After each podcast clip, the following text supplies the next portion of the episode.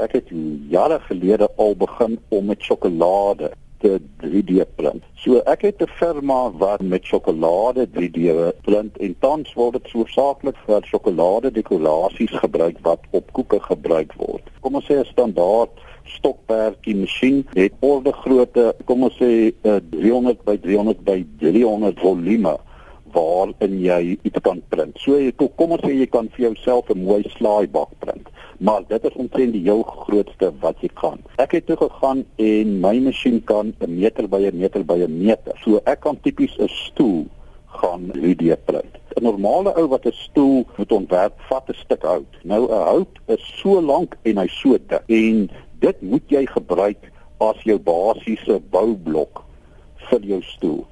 Met hierdie nuwe goede wat jy nou in die rekenaar ontwerp, dan het jy totale totale vrye teels met regtig jou brein instel dat jy moet ophou dink aan 'n stuk hout of 'n stuk yster waarmee jy normaalweg nou 'n stoel sal mee ontwerp. Jy kan nou goeders maak wat allerlei snaakse kurwes het wat die mooiste goed is. Die, ek dink dit is waar nog 'n baie groot mark vir die video lekkers lê. Mm. Omdat mense kan heeltemal nuwe goeders begin ontwerp.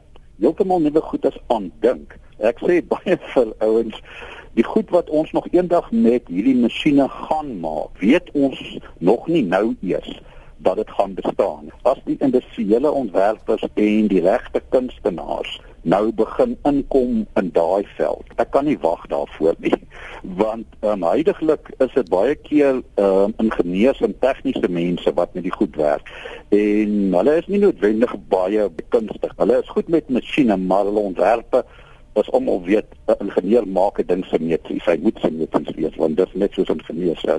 So daar's verskriklike verskriklike um, interessante goed um, wat op pad is. Hans, en wat van kos? Een van my gunsteling goed om te 3D druk is Millipop. Wat?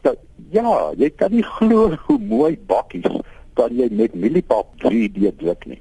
Nou as jy nou van jou vriende oornooi vir 'n blaaivleis en jy druk vir hulle hulle pap uit um, in in 'n mooi bakkie en dan skep jy bietjie vleis of stew of wat ook al daarbey in of wat ook al verstaan jy ja. uh, met een slaag dit 'n gesprekspunt want die mense sê wat as jy verder dink dink aan kapok astappels dan maak jy hierdie herderspastye ja so so dan maak jy 'n vreeslike mooi vorm en dan skep jy 'n maalvleis binne in en Daar's verskriklik goed en dan dink aan kinders. Wat gaan hulle doen as hulle koekies kan versier? Daar's so baie so baie goedes. En ek het so een wat ek aan werk wat mens jou roosterbrood in die oggend vir jou sal die botter opsmeer so in dun stukkies uitgedrie print en dan jou konfyt ook. En dan kan jy nou 'n hartjie op die brood uitprint of dan 'n lekker dag vir jou mense gaan kyk daarna, mense gaan gesels daaroor. Een van die dae gaan ons ons klere ook kan druk. Van die smart rymasjiene vandag kom al hoe nader daaraan. Daar is spesifiek mense wat werk daaraan en daar is mense wat ook dan nou klere print met sagte plastiekfilament.